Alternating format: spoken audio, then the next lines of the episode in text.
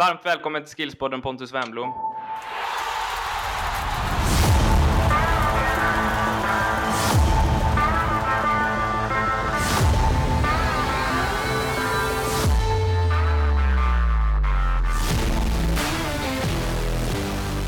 Tusen tack. Anders, vill du välkomna honom också eller ska du bara sitta Ja, och le och jag- vara glad? Är du glad Ja, för att Pontus jag- är med? Oerhört glad att Pontus är med. Det är en, eh, en som man har fightats med på plan och eh, spelat för lite med. Det är en spelare jag skulle ha velat spela väldigt, väldigt mycket mer med. Men eh, vi spelar ju i olika klubbar. Sen var vi med i landslaget där, men eh, det, det inte- var inte så, många matcher, inte så många matcher ihop tyvärr. Eh, Nej, vi hattade runt där. Ja, så att, eh, både- Vad fick du inte till Blåvitt när du flyttade hem då? Eh, ja, det handlar ju lite om eh, lojalitet och klubbkänsla som eh, du och väldigt få vet vad det handlar om. Då går man till, den klubben som hjälpt en. Pontus gjorde ju exakt samma. Nu var han ju IFK i själen liksom då tidigt, men väldigt många som har kommit hem har ju gått någon annanstans där pengarna kanske lockar mer och sånt. Det är klubbkänsla, det är någonting som vi båda har. Ja, den finns inte så mycket kvar av där ute tror jag inte. Den börjar, den är på utdöende tror jag. Ja, det är väldigt många som kommit hem, som har gått iväg, så har de kommit hem, så har de gått till, eh, ja, de ser mycket till sig själva liksom. Gå till den klubben som kanske ligger i toppen eller eh, som har bäst ekonomi eller som, ja, fightas. Och då lite för sin egna utveckling tänker man väl kanske mest. Och det, det, det är väl svårt att klandra dem kanske, men det är lite tråkigt. Man gillar ju det här. Ja, det är det ju. Jag håller med dig där. Du ju någonting på spåren. Det är svårt att klandra dem, men det gör ju det lite tråkigare tycker jag också. Det håller jag med om. Sen förstår jag ju givetvis de som gör det också, som du är lite inne på där. Det kan ju finnas en ekonomisk fråga där att man behöver göra det och så vidare. Eh, Och då kanske man väljer den vägen. Men det är, nej, det är trist. Det är roligare när folk faktiskt, när man kan mer ha profilen att de tillhör ett lag eh, Ja. än att man hattar runt för mycket. Nej, det, jag håller med dig. Jag håller med dig helt. Nu ligger vi kvar lite i eh, kölvattnet av eh, Nations League-debaclet och vi pratade med Bojan eh, Djordjic häromdagen. Eh, vad, vad är dina tankar om eh, insatsen? Ja, jag är väl mer när du, när du nämner Nations League. Alltså Ja. här, att man kallar det någonting annat än en träningsmatch gör mig provocerad. Sen förstår jag när alla försöker dra hur det går, hur mycket enklare det går till EM och VM och det här. Jo, jag förstår det givetvis, men att jag vet ju själv när man har spelat de här typen av matcher och man, visst det är landslag och jada jada jada va. Men det är fortfarande en träningsmatch och eh, de kan säga vad de vill. Eh, medierna kan säga vad de vill. Spelarna, tränarna kan säga vad de vill. Men de kommer alltid att behandla det som en träningsmatch ändå innerst inne. Och det är väl därav det blir lite sämre resultat ibland. Och även då kanske lite bättre resultat mot lag som vi kanske normalt inte ska slå heller, som vi har gjort tidigare. Som också slår av på takten från sitt håll då. Ja, så är det ju. Man ser det ju som, man ser det nog lite, det är ju en extra chans till EM och VM. Jag fattar fortfarande inte vad det är. För mig är det VM och EM. Inte jag heller. Och Nations League, Nations League är någon extra grej för att få mer matcher. Och det är väl också en möjlighet som Pontus är inne på, som jag tror många gör för att kanske testa nya spelare, nytt sätt att spela. Eller man, man provar lite grann för att förbereda sig för de andra kvalen. Så det är, det är som en träningsmatch, fast det är ju ändå något tävlingssyfte. Men eh, för mig känns det ju lite urvattnat liksom. Jag är ju- är ju av den kategorin så att jag älskar att titta på fotboll och spännande och bra fotboll. Men när det är Nations League blir jag nästan förbannad att det är uppehåll i, i liksom Premier League. Ja, nej, nej, det är Bara- det enda man går och räknar ner ju tills Ja. det drar igång på riktigt.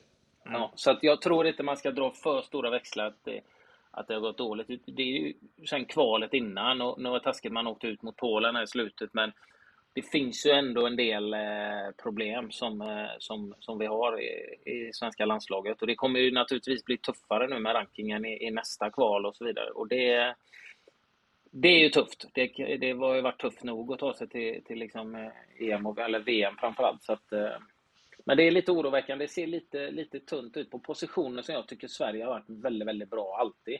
Mittbackar till exempel har vi haft ett överflöd. Det är, liksom, det är ju storklubbar i Europa förr som har tittat, tagit mittbackar om vi går längre tillbaka. Men då har Jocke Björklund, Glenn Hysén, vi kan väl gå lika så långt tillbaka. Men Patrik Andersson och sen har det kommit fler, Olof Mellberg, Teddy Lucic, jag menar Mikael Svensson, det, det är Kåmark. Det, alltså det, där har det funnits hur många som helst. Där är det lite tunt nu tycker jag av den högsta kvaliteten. Samma på eh, en av de mest svåra positionerna i världen inne mitt fält. Eh, mm. där, alltså, men där hade vi ju otrolig konkurrens innan. Det har det varit Jonas Tern, eh, Svarts och sen upp då fram till mig, mig och Pontus. Jag menar, vi hade ju Pontus Farnerö som fantastisk fotbollsspelare. Fick inte spela för det var för tuff konkurrens. Liksom. Pontus, mm. samma sak. Dominerade ryska ligan, var, liksom, spelade Champions League. Tog ingen ordinarie plats. Det, alltså det, det, där, och där är det nu också, vilka ska vi spela? Vi har spelat Albin Ekdal som kanske är lite på slutet av sin karriär och ändå ser jag ingen som Ingen som eh, har, har det här extra som den senaste som vi hade nästan är Rasmus Elm liksom. Som har det mm. här, eh, kunna styra tempot med passningsspelet och det. Och det, det är lite oroväckande. Mm. Tycker jag. Det, det, det, men det, sen har vi fantastiska spelare. Kulusevski, det är ju otroligt. Eh, han levererar och, och, spelar i en, en toppklubb i Europa, men det, det, är, lite, det är lite tunt och tunn, konkur, tunn konkurrens tycker jag. Mm, det är lite spretigt i kvaliteten där också tycker jag som du säger. De har ju kulan liksom som är toppkvalitet och sen så Alltså mm. hoppet ner till nästa man är för långt liksom. Man får inte riktigt den jämnheten i det. Kulan, sen, känner du han väl alltså? Ja, vi har ju kulan med honom vet du. Jävlar, det är stort. Ändå. Det, är dröm, det är drömmen att vara kulan. ja, first name basis där. Nej, men eh, du är inne på någonting såklart. Sen så tror jag diskussionen har ju varit rätt mycket att det här med 4-4-2s vara och icke vara. Jag vet ju var jag står i den och jag tycker väl någonstans att det börjar bli väldigt tydligt att man måste ifrån det helt och hållet och det, det finns ingen som är uppväxt med det längre eller på det sättet att spela.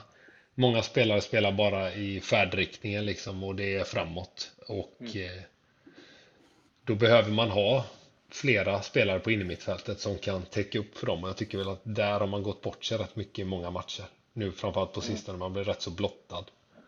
Eh, nu försökte de ju ändra om och fick inte resultaten direkt och då är det klart, då blir det ju att man kastar bort det så jäkla snabbt istället för att någonstans bygga över tid. Men jag förstår ju det. Du vet ju själv när man spelar i landslag, Anders. Det, man har inte den tiden. Det går inte att gå två matcher med ett experiment och sen, eh, tyvärr. Men jag tror att det är den enda vägen för Sverige att gå. Det är ju att börja spela som, som de andra lagen gör, mer eller mindre. För kvaliteten som... finns, men det, visst, den saknas på vissa ställen, men framförallt så Ja, det, det, är lite som du är inne på, det är ju också många tror jag spelar på det sättet i sina klubbar också. Så kommer man, ska man spela ett kanske lite uråldrat, uråldrigt sätt när man kommer till landslaget då, ett, ett sätt som man inte spelar nästan i den moderna fotbollen och många av dem gör ju inte det i sina klubbar heller. Så att, eh, jag tycker att han Svanberg är rätt så. Alltså, nu har jag inte, ska jag inte säga att jag sett honom allt för mycket, men han är ju upphaussad i Italien liksom. Mm. Och så kommer han till eh, till landslaget och får inte ut någonting egentligen Nej. på ett innermittfält i någon match som man har sett. Och då är det som så här, är det han det är fel på eller är det spelsättet? Och jag kan tycka att det kanske är lite både och.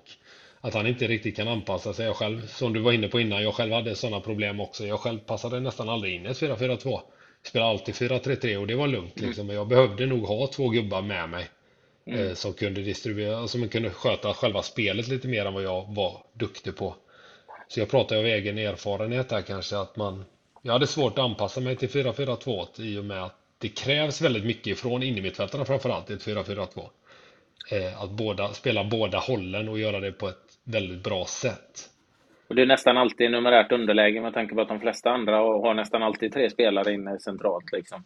Ja, att, precis. Eh, och som man vet så är det oftast, det ska man inte säga så, men ofta så är de bästa spelarna innermittfältarna i ett fotbollslag.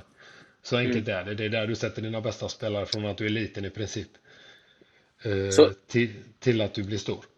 Så är det. Jag hade ju också svårt, nu var inte jag, jag hade ju kanske lite problem med, med liksom fysiken och det blev ganska krävande att spela eh, två centrala och så har du, då ska du liksom kunna springa upp och ner och, och, och liksom täcka en jävla massa ytor och dessutom mm. vara kreativ med bollen.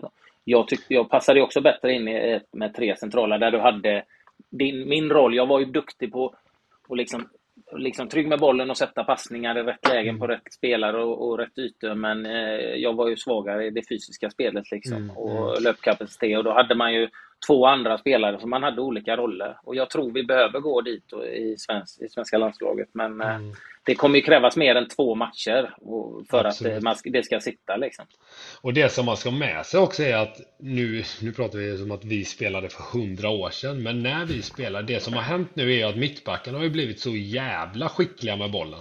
Att ja. de skickar ju inte upp den längre, utan de trär ju in den enkelt på innermittfältarna, vilket gör att spelar du, med, är du underläge där så killar de ju in de bollarna hela tiden. Förut så var det lite enklare att sätta press och så vidare. För att mittbackarna mer eller mindre bara skyfflade upp bollen på en forward. Men nu har de mm. blivit så pass duktiga på att slå sin gubbe, gå förbi sin gubbe och sen hitta in dem i hålen. Och finns där hål som det finns i 4-4-2 i och med att du måste flytta över och ja, vara så kompakt hela tiden. Det är liksom under en och en halv timme så är det jobbigt.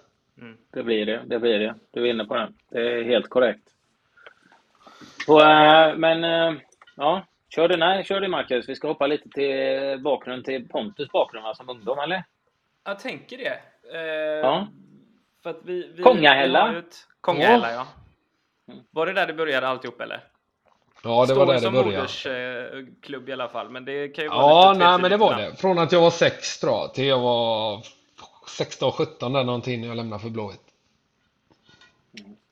Och det var 16-17 där, det var ju i samband med gymnasiet då i stort sett? Som du... Ja, i princip efter jag valde att inte gå fotbollsgymnasiet. Nej. Eh, jag pallade inte att träna på morgonen och sanningen ska fram. Eller där klockan sju, sju till åtta. Ja, köper, köper det, stödjer det till 100%. Ja, jag tränar hellre längre efter skolan i sådana fall. Det, nej, ja.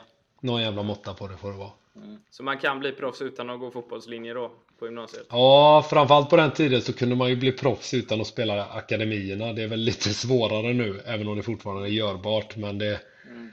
Det, det gick att gå den vägen då i alla fall på ett helt annat... Och de flesta gick väl kanske den vägen också. Mm. Men hur hade du, vad hade du för ledare som, eh, när, du, när du var ung? Hade du bra ledare? Hade ni bra lag i Konga som gjorde att ja, du stannade kvar? Ja, det hade vi. Vi hade väl, en, vi hade väl som många sådana bonde föreningar då, som man ändå får kalla det. Vi spelade ju Göteborgsserien såklart, men så hade vi en stark kull, liksom, en klass mm. som alla spelade. Eh, ja. och så, så, vi var ett gäng där som höll ihop där från egentligen att vi var sju år till dess att vi var 14. Kanske när jag gick upp på A-laget och det började splittras lite, folk lyftes upp ja. i juniorerna och sådär. Eh, men vi var ju topp tre i Göteborg hela tiden. Ja. Eh, vi, eh, vi var riktigt bra så lagmässigt. Och så spelade vi som sagt, det drev ju sig självt då när man spelar i samma klass. Så spelar man fotboll på rasterna, fotboll efter skolan, fotboll innan träningen, ja. fotboll efter träningen. Alltså det var ju det enda man gjorde. Och så hade som... vi en bra tränare på det liksom som ja. gav oss verktygen och ställde upp hela tiden. Ja. Och det är ju det jag är inne på nu. För jag är ju själv, och du var ju själv, vi har ju barn i ungefär samma mm. åldrar liksom. Och jag tränar eh, i, i Öjersjö, Öjersjö, min son då som är född 2010. Det är lite det, jag kan förstå det. Jag fattar det här nu med att eh, de flesta nästan måste gå till akademier för, för att lyckas. Men jag kan förstå om det är två eller tre som brinner för fotboll i, i ett lag på typ, vad man nu är, 30 kids eller någonting. Liksom, då är det svårt. Men eh, vi har ju, som, som Öjersjö när jag pratar, nu har vi tappat två till en akademi, men vi har ju typ 10-12 stycken. De är, varenda ledig tid, du vet efter skolan, mm. tar med sig mellanmål till plan spelar där, vi tränar eh, bara två gånger i veckan. Men, men de är ju där varje ledig dag. De är där innan träningen. Liksom när jag kommer och sätter igång träningen, då har de redan varit där en timme. Liksom. De stannar mm. många efter. Och är du ett, jag tror det kan vara rätt bra att om du är, om du är ett, ändå ett gäng på liksom 10-12 i din miljö där du går i skolan så kan det vara väl så bra för det här spontanspelet och det här att de pressar varandra och, och sådär än att gå till en akademi där du kanske inte känner... Då kommer du ifrån det här. De två som har gått från oss till en akademi, de, de ser man knappt på, på fotbollsplan i området längre. Men de tränar säkert en eller två pass mer med akademin i veckan. Men det är det, en åker en och en halv timme. Och jag, jag tror det som du hade i Kungälv, jag tror inte att det är en omöjlig väg heller till framgång, även nu. Om man nu har då så många som är drivna och, och drillar varandra. Om man har en magisk tränare, som mina mm. kollegor då, inte jag utan de andra. Nej, men... men jag tror du är inne på någonting där. Det kommer ju alltid behöva komma inifrån barnen.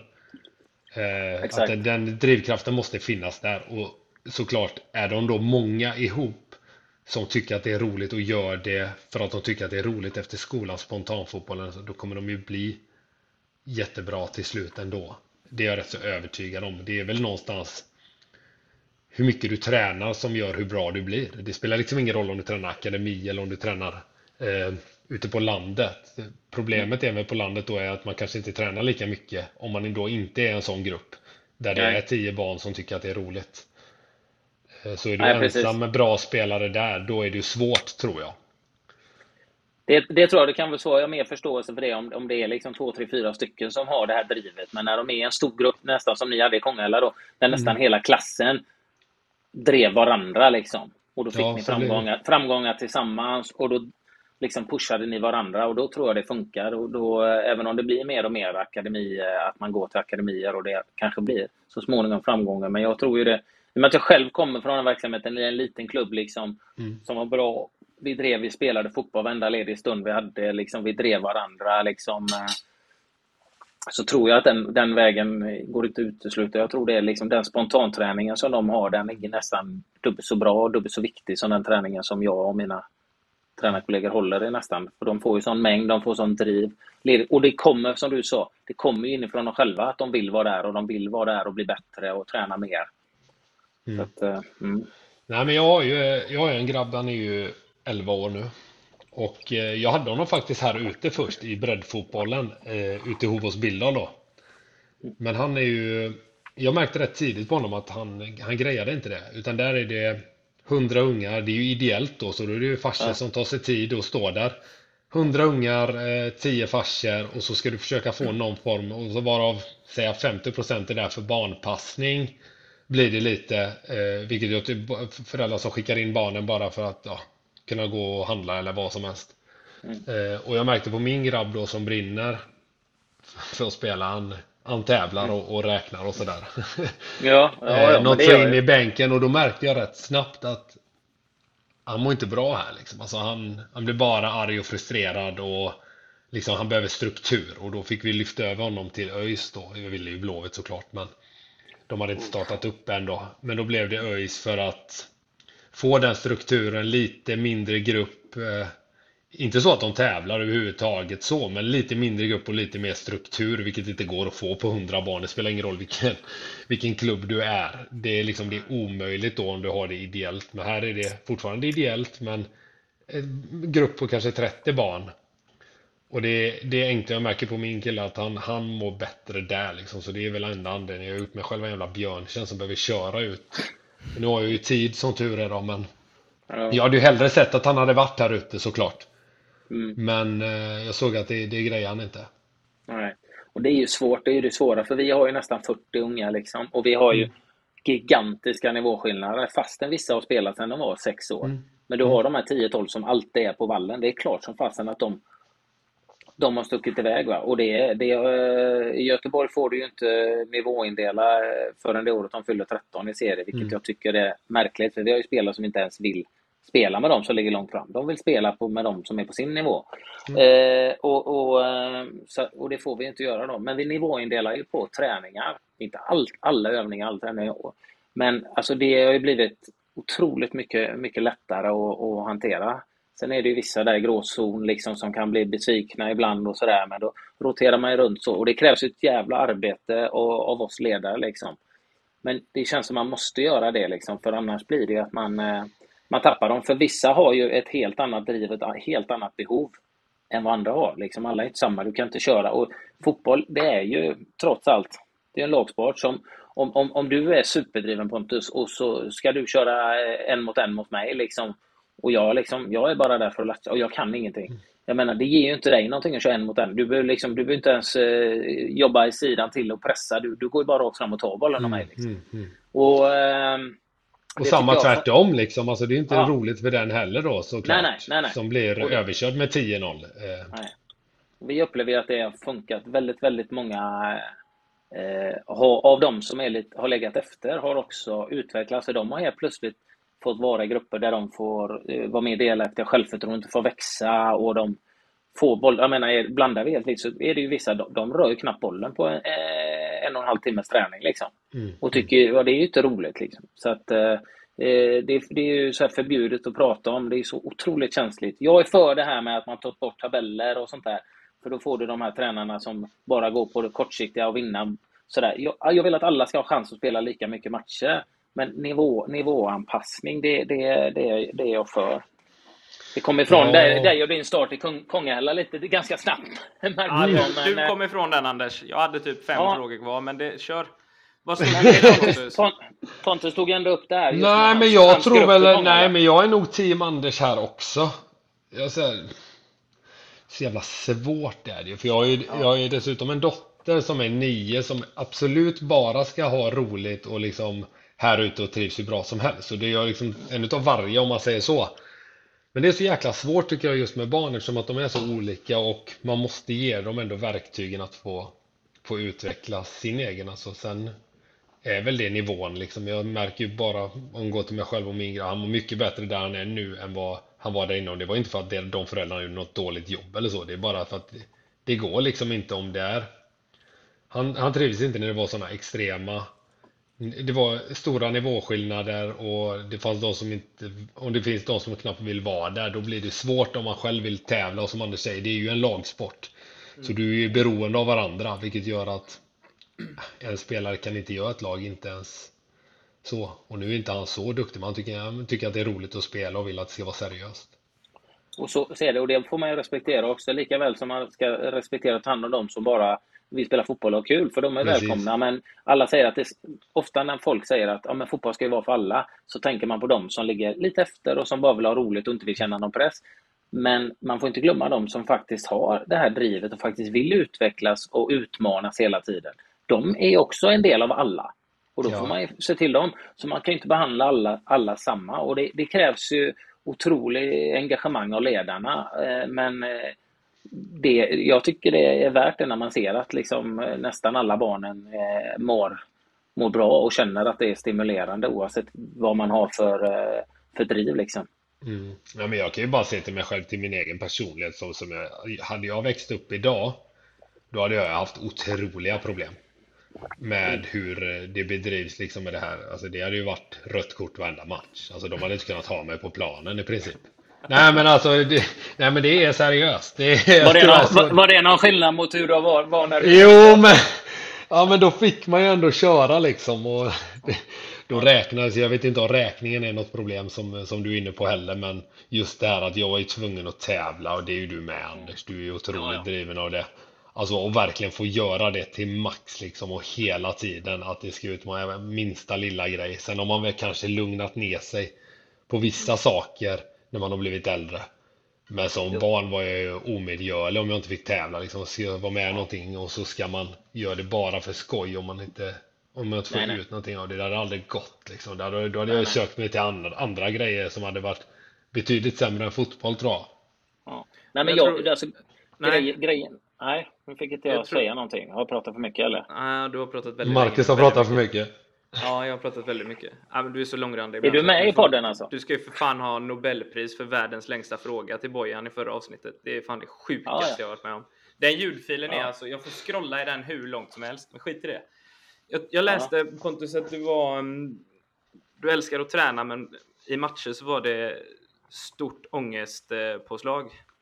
Mm. Jo, men det var det väl. Alltså så, man kan ju se ut som att man har självförtroende, men jag har alltid så här, njöt inte riktigt av det. Det är klart man kan njuta när det står 3-0 och sådär. Men jag kände nog aldrig när det var när det var riktiga matcher. När jag spelade i sämre divisioner, absolut. För då var det, då var det ju på skoj mera. Mm. Men när pressen kommer utifrån, när det blir extrem press. Nej, jag kunde nog aldrig riktigt förmå mig att njuta riktigt. Eh, förutom då om man tog ledningen och det var en sån där, spela av matchen då, absolut. Då kunde jag väl stå och kanske kosta mig och må bra liksom. Men väldigt få gånger har jag, har jag njutit eh, Inte av att spela fotboll. Målet mot Real då? Jo, men då är du ju i stunden. Då är du där och då. Men sen, den går ju över rätt så snabbt också när du inser att det bara är 1 och du vet att du ska åka ner och få den i prutten i Madrid en vecka senare. Och det är inte så att man står och njuter. Alla säger det är en barndomsdröm. Ja, det, är, det är inte en barndomsdröm att gå och bli totalt jävla utspelad och känna hur dålig du är i 90 minuter heller. Nej. Utan, eh, nej, det, jag njöt inte så mycket faktiskt så av fotboll. Jag tyckte det allra roligaste för mig med fotbollen var när du tränade, spelade 5 mot 5, 7 mot 7, slutet av en träning, tävlade mot varandra med, med, med kompisarna då, som det är ett lag. Det njöt jag allra mest av tror jag. Eller då hade jag så roligast. Sen absolut mm. njöt jag ju såklart av att vinna av ett resultat och så. Det finns ju ingenting bättre än att vinna en fotbollsmatch när det väl var klart. Men det är också den ångesten. Eh, det liksom, man vet ju inte hur det ska sluta innan. Hade man vetat det, då hade jag nog kunnat gå ut och njuta rätt så. Att idag kommer jag torska med två, men då hade jag kunnat njuta ändå. Men det vet man ju inte, utan allting ställs ju på sin spets och så är det mycket pressen och det här. Även om jag har varit rätt cool med det så tycker jag så här, Ställa sig där efteråt och landslaget var ju väldigt påtagligt. Där var det ju alltid liksom enorm press. Så därför tyckte jag mycket att spela i Ryssland faktiskt, för där var det rätt, där fattar man ju inte så mycket. Så där kunde man gå runt och lalla, men det liksom kom aldrig åt en riktigt. Ja, jag fattar. fattar. Men låg du press på dig själv eh, också? Eh, var, var det en, att du, att, du skulle, att du tog på dig för mycket? Att det var upp till dig att det skulle gå bra för laget, eller? Ja, jag vet inte. Alltså, jag, är ju, jag har ju alltid vetat. Jag tror jag har varit rätt bra på att liksom veta att man själv måste göra det bra. Att jag kan inte gå och hjälpa mig. Fokusera på mig själv för då blir det bra för hela laget liksom. Och att inte gå runt och skrika så jävla mycket på de andra utan gör, gör mitt. Gör jag mitt så liksom kan jag få med, får man försöka få med sig de andra. Men, nej, pressen var nog med sig. Jag tyckte inte det var så roligt. Själva matchen, jag tyckte inte det var så roligt liksom. Det var resultatet efteråt. Eh, utgången kunde vara rolig om man vann. Mm. Men roligt hade jag nog på träningarna tror jag mer när man kunde latcha och skratta lite på det mer uppsluppet liksom sådär. Ja. Det tyckte jag allra roligast och det är det jag saknar idag är ju egentligen träningarna för det ja. fan jag tyckte det var allt jag var alltid ute på plan. Jag tyckte alltid det var så jävla roligt att träna. Mm. Mm. Det lär ju finnas eh, många ungdomar eh, som, som, som har detta i sig också. Vad, vad, har du något tips till dem? Liksom? Hur ska man tänka? Hur ska man förbereda sig mentalt? Liksom? Ja, alltså det enda tipset jag alltid säger till någon är att framförallt när jag ser barn, för man blir så glad över dem. Så här, ha, ha så jäkla roligt. Det är ju tufft att säga till dem. Så här, ha roligt medan det varar liksom. För sen ska, mm. om ni vill bli fotbollsproffs så är det inte alltid så roligt. Glamoröst och så är det absolut. Och det kommer ju med otroliga eh, saker som att du kan leva på din fotboll, din, din största hobby och sådär. Men du ska också veta att ju mer du kan leva på den desto längre kommer du ifrån den fotbollen du växte upp med när du spelade med kompisarna i ett fotbollslag och hade kul. Så vill man bara ha roligt då ska man nog vara där i gärdsgårdsserierna och, och spela för att det är kul och sådär men mm. det är klart man har ju också ett inre driv och en många som är på min och Anders nivå som kommer upp dit har ju en, en grandios självbild också, en narcissism i bak. Alltså det är, vi vill ju vara bäst. Vi vill ju tävla. Vi vill ju liksom, den finns ju hos alla. Mm. Men man kan ju bejaka den på olika sätt, tycker jag någonstans. Eller jag gjorde i alla fall det. Mm. Du, har ju, du har varit i Blåvitt, sen gick vi till Alkmaar och sen eh, Moskva därifrån, va? CSKA Moskva. Mm. Eh, vad upplevde du var den största skillnaden när du lämnade Sverige, alltså i de klubbarna?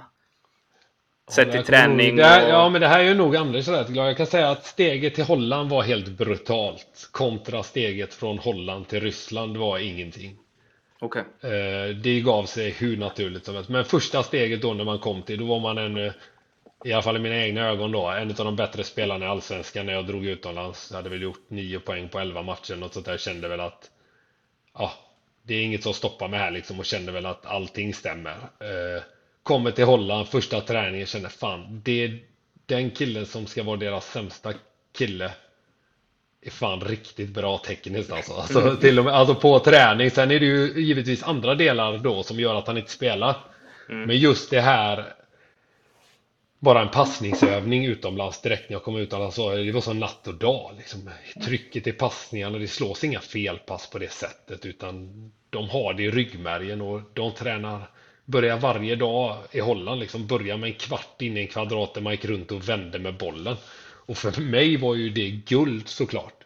Mm. Eh, som kanske där var ju mina allra största brister var ju just i det där vända upp spelet och, och det där, även om jag kanske hade varit lite mer än 10 i Göteborg så var ju inte det jag köpte fint för utan det var mer och blev som en 8 och så. Då måste du mer kunna de delarna också.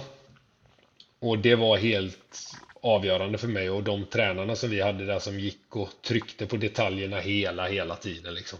Rasmus hade ju enklare med det såklart med den typen av spelare som han var. Men för mig var det där avgörande. För att sen när jag tog steget till Ryssland, då kände jag ju någonstans att de är ju, det är ju samma typ av spelare som är i Holland. Men just glappet som fanns på den tiden från allsvenskan till Holland var helt enormt. Spelare för spelare individuellt då. Sen är inte det säkert att vi slog ju bara Blåvitt netto jämt när vi, när vi spelade mot dem, 11 mot 11, ska sägas. Men just spelare individuellt, en mot en, eh, eller vad säger jag, en, en och en, eh, och just passningsövningar och sådär. Men det märkte jag även när jag kom hem nu. Även om jag knappt kunde stå på planen så märker man liksom kvalitetsskillnaden är stor just på träning. Och i de mm. individuella momenten, enkla passningsövningar, trianglar. Det är en helt annan skillnad. De jobbar på ett helt annat sätt och från tidig ålder också i Holland känns det som. De har ju enormt eh, ja, men självförtroende och liksom ett sätt att spela fotboll med eh, som skiljer sig ganska mycket, mycket från, eh, från våran. Mm, där är du ett nummer mera, mer eller mindre. Ja, mm. eh, från det att du är liten och det är klart att det kan man ju tycka vad man vill om. Men man får också, tror jag, fram rätt många bra fotbollsspelare på sättet de jobbar. Mm. Eh, vi gjorde till exempel aldrig någonting utan boll. Vi hade gr riktiga grisövningar emellanåt där det var på försäsongen där det i princip var att du sprintade över hela planen men det slutade med att du skulle slå ett inlägg också när du var svintrött eller att du skulle vända med en boll mm. eh, och göra det med kvalitet. Så det liksom fanns hela tiden, det fanns inte det här eh, tunga svenska. Men det håller också faktiskt, ska man säga, på att jobba sport i Sverige. Man blir mycket bättre Absolut. på det. När jag, när jag gick utomlands, det var 2009 tror jag. 2009. Då vägde jag nog 88 kilo tror jag. Efter ett halvår i Holland var jag nere på 83-84. Eh, de sa bara, så där stor kan du inte vara även om du är stark. Liksom. Du kan ju inte röra dig. Få bort 3-4 kilo så kommer du kunna springa mycket snabbare och vända mycket snabbare. Och det låg ju någonting mm. i det fanns ingen mat i Holland eller? Bara, bara, bara strössel och... och ja, sådana jävla bake-off, vita jävla baguetter och påssoppor. Ja, ja gött. Nej. Ja, ja, det var inga fel på det. Från det till borst i Ryssland. Ja, ja, precis. Där var det ju lite bättre mat kanske. Ja, det var det. Framförallt. Ja, nej men framförallt, framförallt så är det väl extrema skillnader just bara man tar med kosten, hur det har gått framåt också. Liksom, nu låter det som, mm. återigen som att man spelar på stenåldern. Men eh, hur allting tar ju fart här nu, eh, märkte det när jag kom hem till Blåvitt också, skillnaden från när jag lämnade var ju extrem. Alltså i professionellt det har blivit. Och att det faktiskt finns sådana jäkla möjligheter för de unga spelarna att, att bli riktigt bra på ett sådant ställe.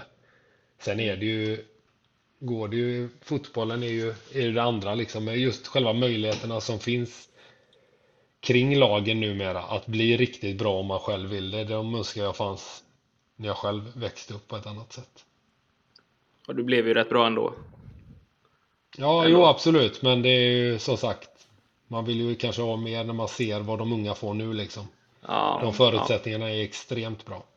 Mm. Men när du kom till Holland då 2009, var, var det skillnad? Just tränade ni någonting individuellt då liksom? För det känns som de var att vi, det har ju förändrats hur vi sättet vi tränar, men då kommer jag ihåg när, vi, när jag spelade, och det är ju ännu längre tillbaka än dig. Mm. Då, I Sverige skulle ju alla göra samma saker hela tiden. Sen har det ju förändrats sådär att man går in och bryter ner lite beroende på position och förutsättningar och sådär.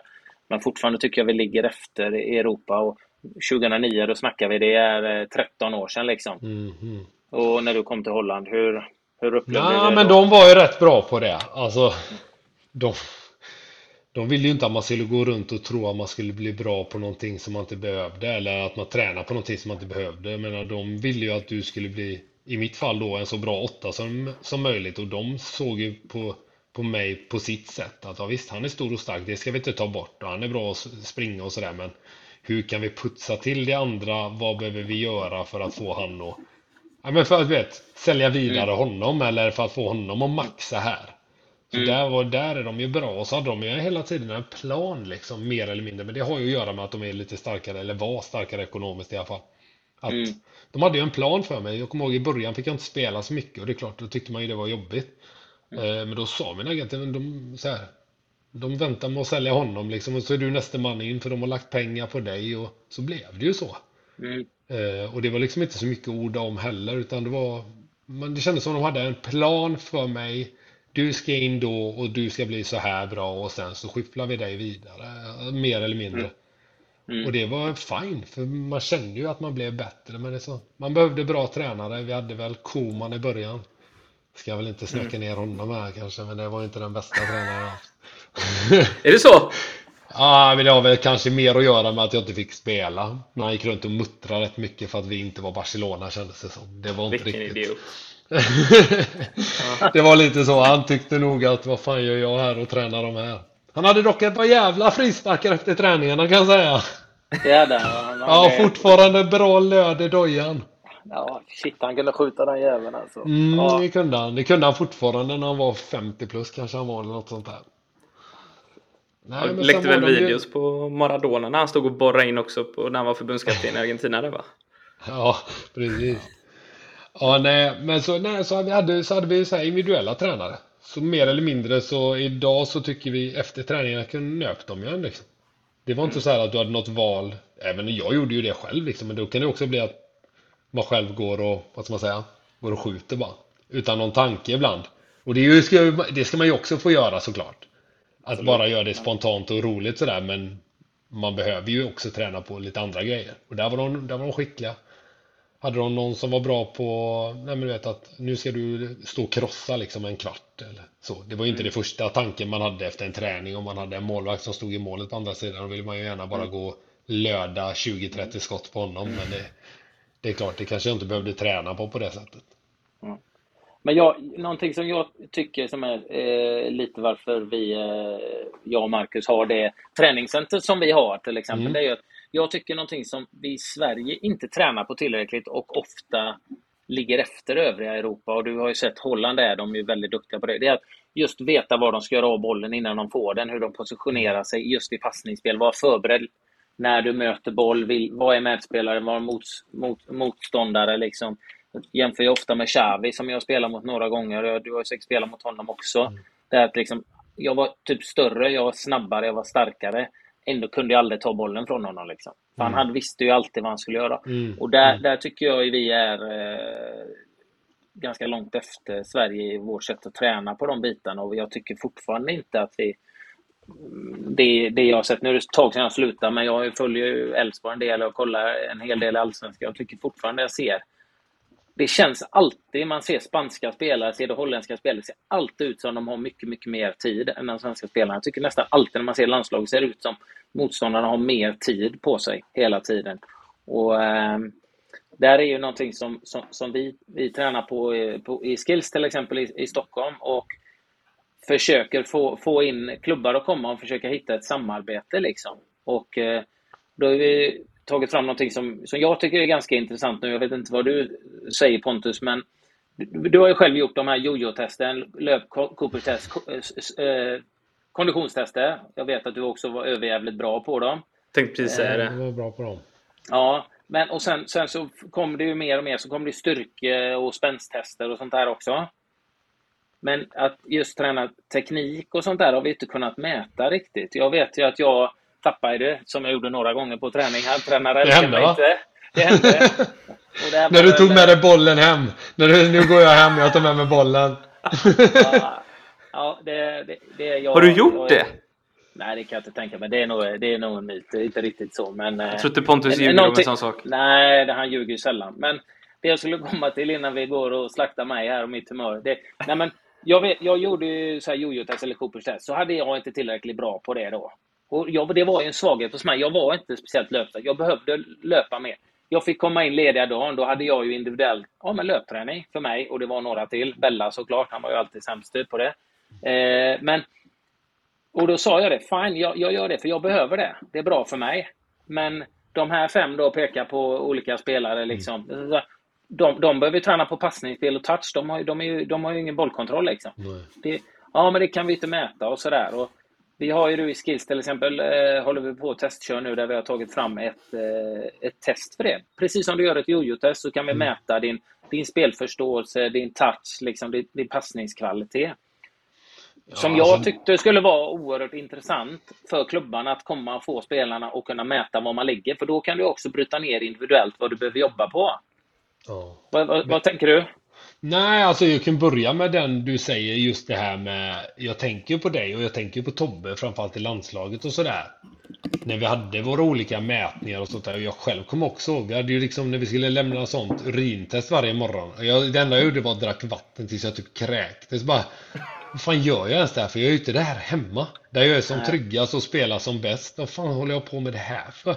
Och lite samma som du säger att du Du kommer aldrig bli någon någon maratonlöpare för du har ju med genetik och grejer att göra. Du kan givetvis bli bättre på det. I det fallet så kan det liksom vara, ja men Anders han, han är inte bra. Han kan ju inte springa, så han springer inte lika snabbt som den. Fast då blir det liksom, och då håller och fäster de blicken där på nästan. Mm. Men fan, kollar du inte på matchen? Han var ju bäst liksom och orkade mest och, och sådär. Och det tycker jag, det var framförallt förr i tiden, men jag hoppas att det är rätt så förlegat. Men jag tycker absolut som du säger, om, med tanke på att man mäter mer och mer grejer. Själva fotbollsmatcherna håller de ju på liksom att hacka ner i atomer. Och det är ju så som statistik är ju allt den amerikanska sporten bygger på egentligen. Och det kommer ju Mm. mer hit och ännu mer in i fotbollen för varje dag som går. Och det är klart att tester kommer ju givetvis komma med det med när, när lagen vill testa sina spelare och då kommer det vara precis som du säger, det kommer inte bara vara på fysiskt eller hur snabbt du kan springa eller mentalt. Alltså det kommer vara kommer liksom brytas ner och ännu viktigare så här, någonstans ska du ju spela fotboll också. Hur bra är din touch? Hur bra är du på att vända upp? Jag önskar att jag fick de verktygen när jag var yngre för att det var väl en av de grejerna som jag hade svårast med. Nu köpte jag ju mig tid, gick ut och ställde mig i fickan där ute och skickade fram en högerback eller något sånt där gött istället. Men jag önskar man kunde få de verktygen när man var yngre. Ja. Att man kunde bli bättre på det, för det var väl där någonstans som jag personligen hade väl kunnat gå, om jag säger, är det någonstans jag hade kunnat gå längre så är det väl om jag hade utnyttjat, eller blivit bättre på det. Men det är rätt svårt att bli mycket bättre på det när man är när man redan är gammal, eller om man ska säga. Du kan givetvis bli bättre, men att du verkligen blir riktigt bra på det, det behöver du göra när du är, när du är mindre. Jag började tidig ålder att jobba mer med boll. Liksom. Jag, jag är precis som du var inne på liksom, i Holland. Jag själv bedriver ungdomsträning. Eh, jag vill ju aldrig värma upp, värma aldrig upp barnen utan att bollen är med. För jag menar, ska vi springa 20, 20 minuter eller en kvart innan, då tappar vi en kvart som vi skulle kunna utveckla bollbehandling. Och vi kan ändå bli varma och mjuka och goa liksom, och vara redo för nästa, nästa steg. Jag vill alltid ha bollen med, även om det är liksom Eh, och och just det här med att vara trygg med bollen. Jag menar, du har ju spelat med en av de bästa spelarna på det i Sverige någonsin, Erasmus eh, Elm. Som Mm. liksom, det, snacka om att vara bolltrygg och alltid nästan veta vad han ska göra av bollen innan han får den. Liksom. Han var inte supersnabb, men han var snabb i huvudet. Han Mm. mm. liksom, visste vad han skulle göra av bollen. Liksom. Jag tycker man ser för, för få av sådana i, i, i svensk fotboll och vi, eh, jag tycker att vi tränar för dåligt på det i ung ålder. Men det är, jag, tror bara det är det, för det är egentligen om du tittar på Du har ju själv mött de här division 2-lagen i Spanien på någon träningsturnering eh, eh, nere på någon sketen plan i Marbella liksom och de spelar ju ut den och det grövsta liksom. De, de går ner och är några kilo för tunga men du vet, med bollen Den tar du inte ifrån dem. Nej. De, de går ner och hämtar den liksom som nummer sex framför straffområdet med två man runt sig och de vet när de ska spela tillbaka den eller när de ska vända. Mm. Mm. Det är, en, det är en helt annan, jag vet inte om det är mentaliteten heller, men det har nog att göra med att de är så trygga med det för att de har gjort det från så tidig ålder. De vet Mm. exakt vad de ska göra. Och jag vet bara, du sa Xavi innan jag spelade mot framförallt Tony Kroos några gånger. Det är en sån gubbe. Det är exakt samma liksom. Om du går i press på honom så spelar han på ett och när du inte gör det då vänder han upp. Även om han, du tror inte att han vet vart du är. Men... Och det är, det är meningslöst att spela mot sådana. Du är helt, du blir slaktad liksom. Hur ska man spela mot dem då? Ska man sänka dem bara eller? Ja, men det kan du göra en gång. Sen har du, du kan ju inte göra det två för då om du vill gå av inte så kan du göra det. Nej, men det är ju svårt såklart. Mm. Eh, när, de, när de är så skickliga. Mm. Ja, du har ju byggt en jag hel övning Anders. På det. Vad sa du? Ja, du har ju byggt en hel övning på det. Du kallar den för Xavi ju. Sätta den på ett eller vända upp. Ja, nej, men det är att läsa av situationen, men även vad medspelaren är. Liksom. Och, då, Mm. och, och även vad motståndaren är, liksom, vad medspelaren är, vrida upp kroppen och så. jag kallar det för kär- kärvövningen. Han var ju ett föredöme för mig. Jag mötte han många gånger liksom och jag Mm. tycker att han hade ju en... eh, Ja men alltså Kroos, det, går, det finns ju fl- flera stycken sådana i Europa liksom. Men för mig Mm. som mötte som var föredöme, Xavi var ju enorm där. Kroos är en spelare jag också älskar. Mm. Som du ser hela tiden vet han har medspelare och motståndare som du säger. Så det, det är väldigt svårt och det är imponerande att se.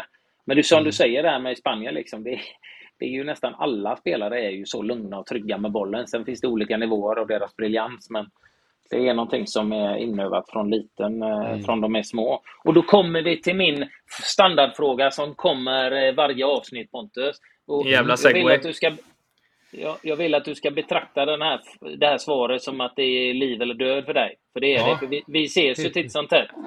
Eh, och, på baddlebanan. Och det kan ju vara att jag spelar utan den här eh, eh, remmen om, eh, om du svarar fel. Och då kan man ju tappa racket väldigt fort. Ja, Och ja. illa. det- Nej. Eh, då, min fråga till alla gäster är eh, för eller emot eh, rondo slash kvadratrektangel? För mig kan det inte finnas någon jävel som är eh, emot den. Oh. Gud vad lycklig jag blir när du säger rätt. Nej, nej, för mig det är så här. Om, om jag sa att jag älskade 5 mot 5 och 7 mot 7 och det här innan. När jag var i Kongala, när vi var i A-laget, då var vi några gubbar som alltid körde det innan träningen för vi inte fick köra det på den. Så roligt Ja. tyckte vi att det var. Och det, det, Och är det- det, ja, det är det som är hela grejen. Och det, men det som stör mig är, du vet, jag kommer ihåg Lasse Lagerberg. Var du med när Lasse var Nej, jag var bara med alldeles precis i slutet innan han... eh, innan han la av? Ja. Och jag, vet, jag, jag kommer ihåg han muttra, eh, för det var ofta på Bålsson, fysiologen, som höll i, i, i kvadrat i uppvärmningar. Mm. Och eh, hade vi missat, eh, tappat boll i matcher med lite kort, för, för korta passningar, Mm. då gick han ju muttra och skyllde att det är den här jävla kvadraten vi kör. Han muttra, han var ju sån. Och, och jag vet, Ha- Haglund i Elfsborg ville inte köra den. Vi körde, varje fredag fick vi börja träningen en kvart. Men då körde vi rektangel, så vi kanske var sex mot tre i en, Ja. ja, en rektangel istället. Och det var inte fasta positioner du stod utanför. Du typ kunde, någon som var i mitten som man kan Ja, hitta ja, in precis. ut och sådär, spela över med lite längre. Jajamän. På ett tillslag när du skulle spela med ett, när du skulle ta, in, ta två för att locka in då om man spelar med ett tillslag eller två tillslag. Eh, men grejen var ju att han sa låt dem göra det eh, 15 minuter i- på fre- fredagen. Då får de göra det. Sen så gick de och förberedde andra övningar. För då, fick, ja, men då får ni göra det för ni tycker det är så bra. Är du som, alltså det är en skitbra övning om du är där och coachar och styr och det görs rätt. För då hade vi våran då, den lite äldre tjuriga jävla som jag och Klarström, Johan Karlsson, Florén, du kommer ihåg, du har spelat mot dem, och oss alla idioter. Men den andra så var det ju då var det Ishi och Lasse och Jon som du också spelade mot. Och där var det ju mycket mer eh, att slå tunnel var det viktigaste. Och så drog man i byxorna. Och Ja. det, det tycker jag blir lite synd. Nu var de duktiga där, i det med. Men jag tycker det är en fantastisk övning. Att både liksom i, i kommunikation, att spela, spela sig ur situationen, visa sig vilja ha boll. För att förnedra de tre som är inne och jagar. Inte förnedra dem genom tunnel, förnedra dem genom att aldrig låta dem få bollen. Liksom. Ja, jag tycker det är en fantastisk övning. Men många svenska tränare som jag hade då, som är den äldre skolan, de såg det som någonting som, ja, ja, låt dem göra det då, för de tycker det är kul. Men det är en jättebra övning om den görs rätt. Tycker jag. Nej, jag, tycker, jag tror att det är det jag tror väl det är din, din idol Xavi som sa det någon, någon gång tror jag. I någon Mm. intervju där att det är den bästa, alltså det är den bästa övningen du kan, du kan ha på en fotboll, ett fotbollslag. Det är liksom, Ja. du behöver inte så mycket, det handlar om att ha bollen i laget så mycket som möjligt någonstans. Och sen kan du utveckla den, du kan ju liksom som du säger köra en rektangel eh, för att få den lite, lite annorlunda och med vissa tillslag och sådär. Ja. Överlägset den, för mig med, den bästa övningen som finns. Alltså det Och sen här, är den rolig med. Mm. bolltryggheten. Ja, den är ju det. Den är ju framförallt, du kan ju ha den bara som uppvärmning också om du vill liksom stå stilla och latcha. Mm. Eh, Den går att ha till så mycket och så kan du göra den olika stor och nej. För mig överlägset. Jag skulle... Nej. Överlägsen övning. Då skönt, Jag har en fråga till dig igen. nu. Jag har en fråga till dig här nu som jag har stört mig på. Jag, står ju, jag är ju inte tränare för min grabb, det hade aldrig gått. Eh, dels för att jag är så jävla opedagogisk och dels för att vi ryker ihop då. Nej, men det är samma Eh, här. För familjefridens skull. Så här då. Jag kan ju störa mig lite på att man att man låter barnen, man låser dem vid för mycket grejer nu för tiden. Hur man, och det märker jag inte bara på hans lag utan på många lag. Att de liksom, de har ett sätt att spela upp bollen på och sådär, vet att det nästan tar bort Du vet att de ska dribbla och sånt där. Jag kan tycka att det är för lite dribblingar när de är små. Fan, jag kommer ihåg när man själv var liten. Man försökte ta bollen och, och dribbla av alla. Men jag upplever det som att vet, de har den här retreat-linen, de andra kommer i full press och så, vet, så, vet, så spelar de sig ur där genom någon triangel som de har tränat på på träningen. Så jag tycker att det är alldeles för tidigt att hålla på med sånt där. Vad har du för, för take på det? Eh, Vinna eller försvinna nu?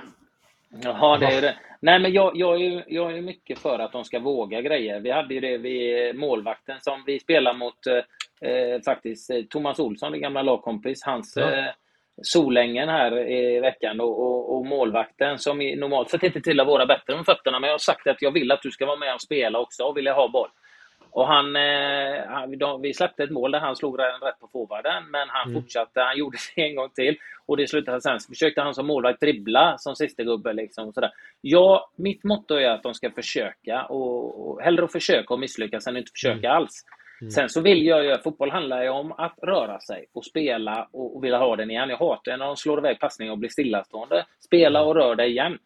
Sen så är det klart att jag liksom vill att de ska ta initiativ och, och utmana och lära sig. Och jag, jag vet ju när de var yngre, då vet jag att vi mötte många lag som spelade femmanna till exempel. Och alla femmannalag vi, vi mötte eh, spelade med två backar och två anfallare. Och eh, vi hade säkert vunnit mer matcher om vi hade gjort det med. Men jag sa inga positioner till dem. Mm, mm. Så jag bara, bara gå ut och köra och så visste man du vet i början där så var alla, alla fyra framme. Och så stod ju någon, en eller två i deras lag kvar och så kom en långboll.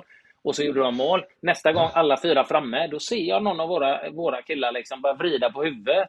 Och bara, fan det är två. Och börja backa. Utan att jag har sagt någonting så har ju ja, den precis. fått spelförståelse och lära upp det och det blir lite mer frihet och det. Men vi mötte ju många lag där tränaren står och skriker oavbrutet vad de ska göra. Mm. Det var mm. någon som skrek bara du är back, går du så långt upp en gång till får du spela back resten av matchen som om det är ett straff, du vet.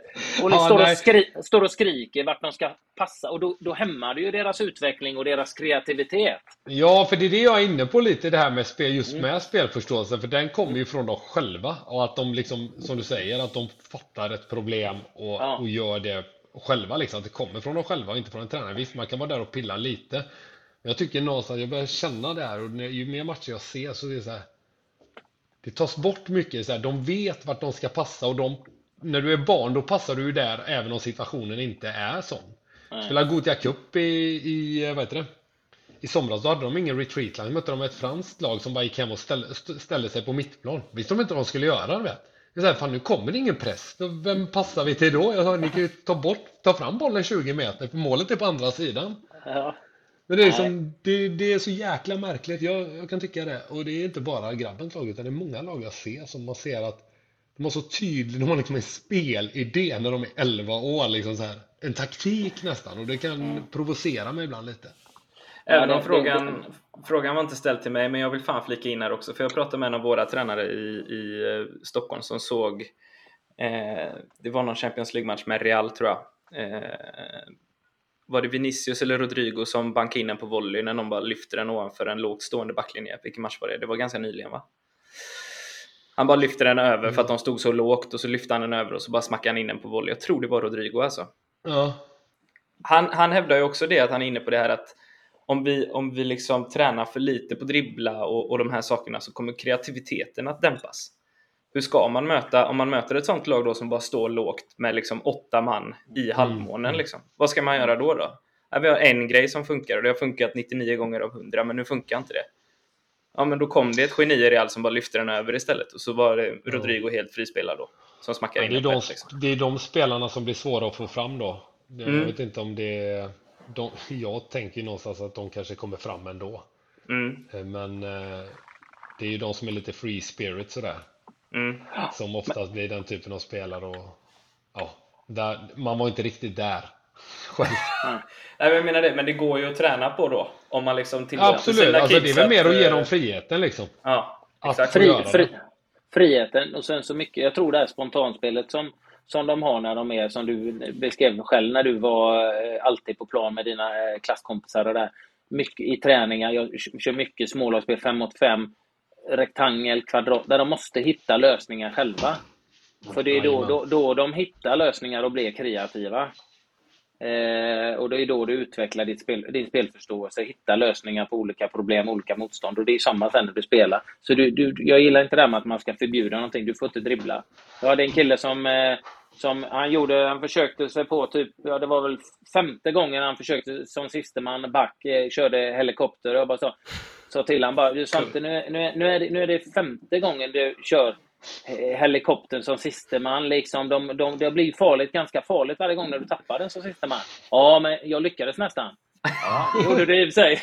Det älskar man ju någonstans liksom. Ja, ja jo så här, alltså det älskar man framförallt så här.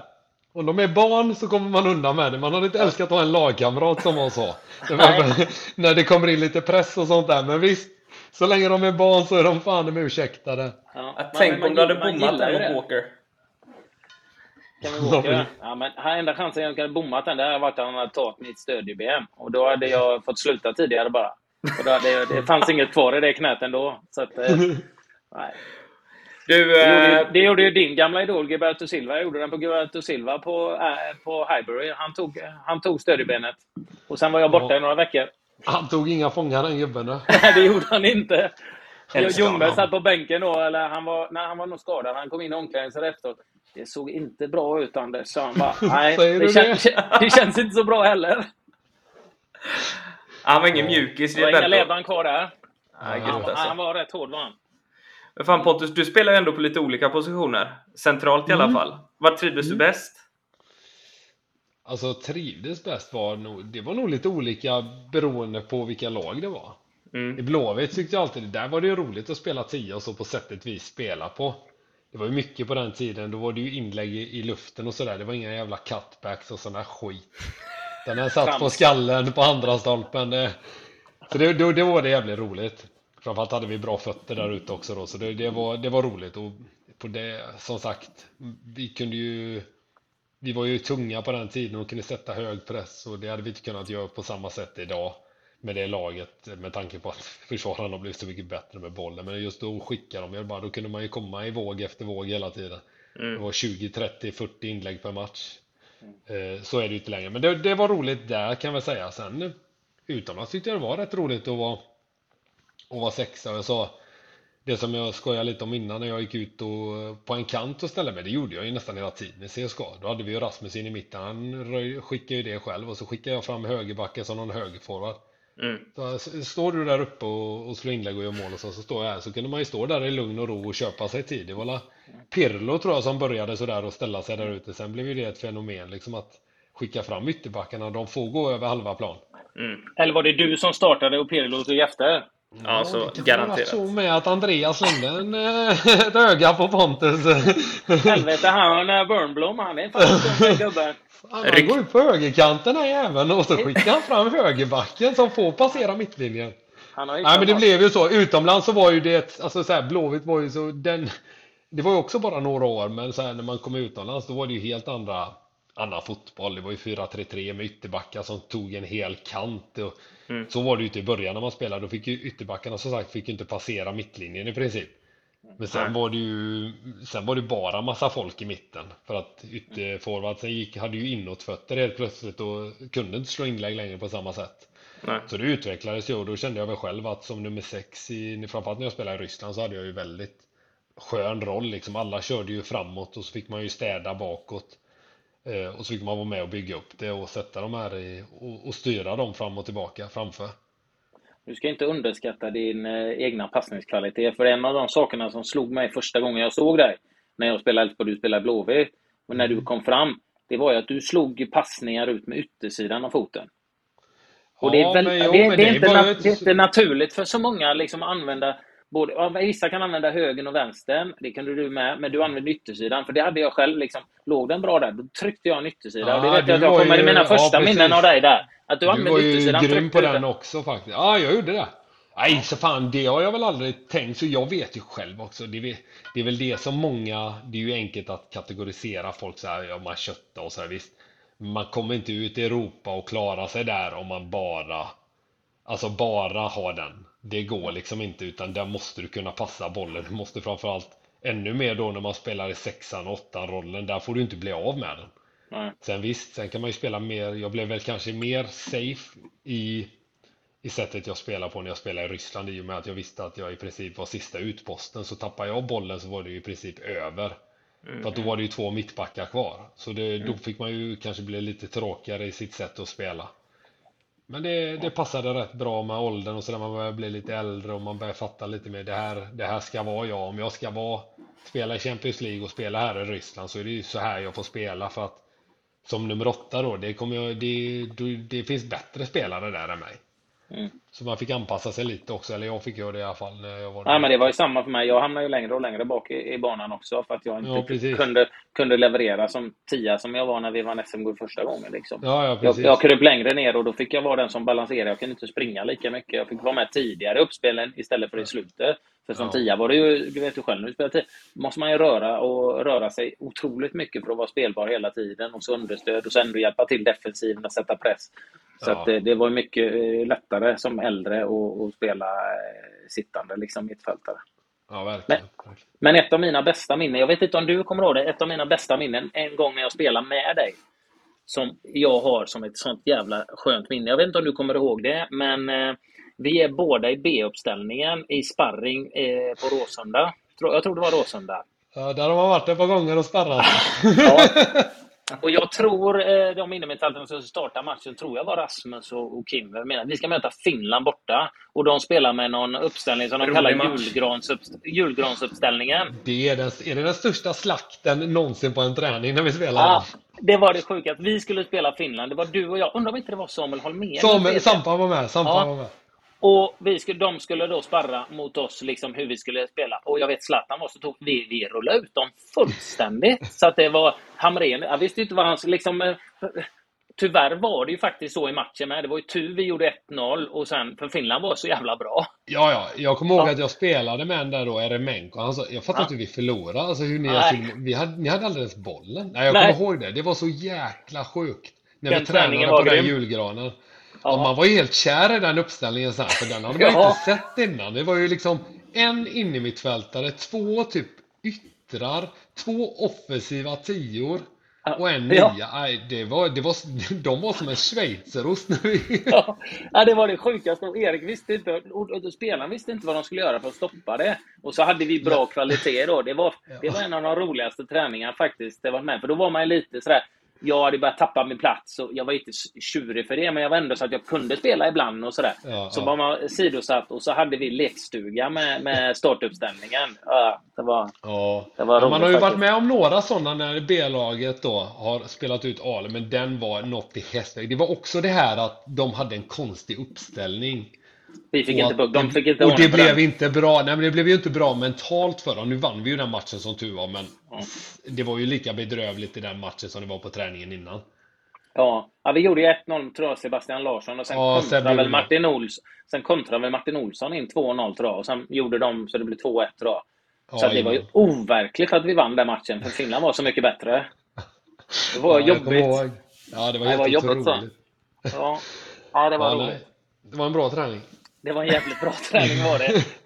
Tänk om vi hade spelat mer ihop Pontus, vad bra det hade kunnat bli. Ja, och, i, och i en julgran. Julgransuppställningen. Inget jävla 4-4-2. Nej, Men då- helsike, det tar vi bort direkt. Vem hade tagit tian då? Eller ja, det var ju två tio då.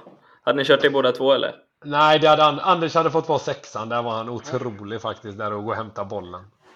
Ja, Ja, jag hade nog är det bestämt. det. Då var, jag, var, jag var ju rätt gammal då. Det var väl kval, var det kvalet till eh, Ukraina typ det? Kan det ha varit det? Ja, det måste det vara. var det nog va? Det var nog din sista vända där va? Ja, det var, undrar, om, undrar om det var... För vi slog Holland sen i matchen Ja, eh, efter På hemma. Och, och gick, vänster. ja, så jag måste ju ha varit 35 i alla fall då. Ja, men det stämmer nog. Det stämmer. Ja. Mm. 35 Det var ung då. Men 35 vill ni, att. Vill ni att jag ringer Janne och säger att ni är redo eller? För en julgran? Nej, skit i det. Nej, nej, Ja, om skit det är julgran så ställer Om det är julgran så är vi med. Då är vi med, då är vi gjutna. Du eh, Pontus, eh, lite snabbt bara. Vad, vad, du la ju skorna på hyllan förra året va? Ja, det är Eh. något sånt där. Ett och ett halvt, ett år sedan. Något sånt där. Ja. Ja. Vad, vad är dina planer eh, nu och framöver? Ni har ju ljugarbänken med Tobbe bland annat. Ja, precis. Nej, den rullar ju på liksom. Sen håller jag på att spela in en eh, tv-serie här som kommer i höst. Eller Mhm. tv-serien ska gå på Youtube, men det är i samarbete då med Betsson.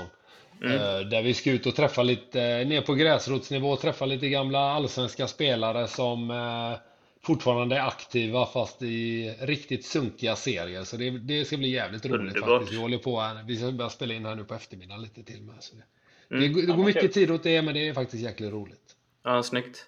Inget annat eh, engagemang inom fotbollen eller? Förutom det då? Nej, jag håller mig ifrån fotbollen. Jag var rätt trött på den. Framförallt så har jag inte den passionen att stå vid sidan av. Jag Nej. hejar på grabben. I början var jag tyst, men då har jag märkt att då bara latar de sig. Så nu har jag börjat jaga på dem lite på matcherna i alla fall. Heja på dem. Annars blir de så trötta. Nej, men det, nej. Jag tycker livet är rätt skönt så. Ja. Fan vad gött. Inget, inget att anmärka på. Det, det rullar på. Ja, snyggt. Grymt. Eh, bra boysen. Eh, ska Ja. vi stänga där för idag eller? Ty, tycker jag. Tycker jag. Är vi, Eh, är vi nöjda? Tack Ja, för att jag fick vara med då. Ja, det var otroligt trevligt. roligt att ha dig med. Jävligt Ja, roligt. Du får komma Ja, förbi och banka skiten ur eh, Anders. Mig kanske blir svårt, men alltså i volleytävling och sådär sen när vi öppnar till Göteborg igen. Ja, du ska ta dit sonen. Du ska få... eh, Ja, det- han ska gå dit. Sonen. Han ska få gå dit. Jag, jag gjorde ju på riktigt nu. Jag gjorde ju en träning här en vecka med Kongala. Ja, det var första gången jag gick ut på en fotbollsplan och sparkade på en boll sen jag slutade. Jag trodde fan knät skulle... Det gick inte. Jag kunde inte... Jag kunde Ah, inte slutföra träningen. Det var så jävla illa vet du. Och då kan man ändå spela paddel och sånt. Så det är Mm. så jävla märkligt alltså. Ja, det det det. Men jag försökte också på en, en sån kval till division 5 här med Öjersjö. Det, Ja. det gick ju. Jag skulle Jo, spela men det är ju det. lite, Men sen... nej, jag körde, körde i två veckor innan jag kunde liksom röra mig. Ja, ja, det är ju inte värt det liksom. Det Nej, är så nej. jävla sjukt. Ja, exakt så var det för mig med. Jag kände så här, jag drog någon, jag drog någon yttersida så där vet man skulle vara skön. Upp eller upp där, då kände jag hela jävla knät kändes som att jag skulle åka med bollen. Ja, fy fan vad tråkigt. Men ni har, mycket att leva, ni har mycket att leva upp till. Tobbe drog ju två stycken på rad i krysset i Kungsbacka när vi hade centret där. Ja, Också inte on brand. Inte on brand heller. Jo, avsluta kan han ju. Ja, det kan han ju. Men jag har alltid sagt det till Tobbe, hans karriär är så jävla sjuk för mig. Hur han liksom, han rebrandar ju sig där. Han var ju liksom en ytter som gick och slog inlägg och var snabb och oteknisk. Men snabb och så blev han så jävla smart anfallare och, hit, och, och tajmade löp och avsluten blev ju löjligt världsklass på hans avslut alltså. Ja, Riktigt bra. Just hans smartness i hans löpningar. Direkt när motstånd... Han såg att nu tappar motståndaren bollen. Då börjar han sin löpning. Ja, men det var liksom att, han, att han kom underfund med det när han var typ 27. 26, Ja, det- 27 liksom. Det är, det är märkligt. Han var ju så dålig när han kom till oss och det var väl liknande ingen soppa där när vi var nästa gång. Han var ju nära att kosta oss guldet så dålig han var. Nej, det är sant. Han var värdelös. Helt sjukt. Ett lag som gick som tåget var han sämst på plan i båda lagen varje match. Och sen bara, du vet, så trillar polletten ner för han året efter och det bara gör mål på allt. Och då gjorde de om han till forward också, ska jag säga. Ja. Då var han ju vänsterytter i början. Ja. Nej, Ja, det är häftigt. spelare faktiskt. Ja, nej. Skön, skön, skön spelare. God kille. Ja, vi kör stort- regame. Stort tack för att du var med Pontus. Du får Det var det lilla. Laga mat där. eller vad fan Det lät som det var någon sån soppåse eh, från Ja, eh, Holland med snabb- soppa eller något. Snabbnudlar. Ja, fy Jag fan ska vad ut och spela in här snart. Vi ska ut på en jävla gräsplan här nu, för fan. Ja, det är bra. Underbart. Bra Tack som jobbat. fan för idag. Vi Ja, hörs. det var hänget. Ha det gött. Hej. Hej, hej. hej, hej.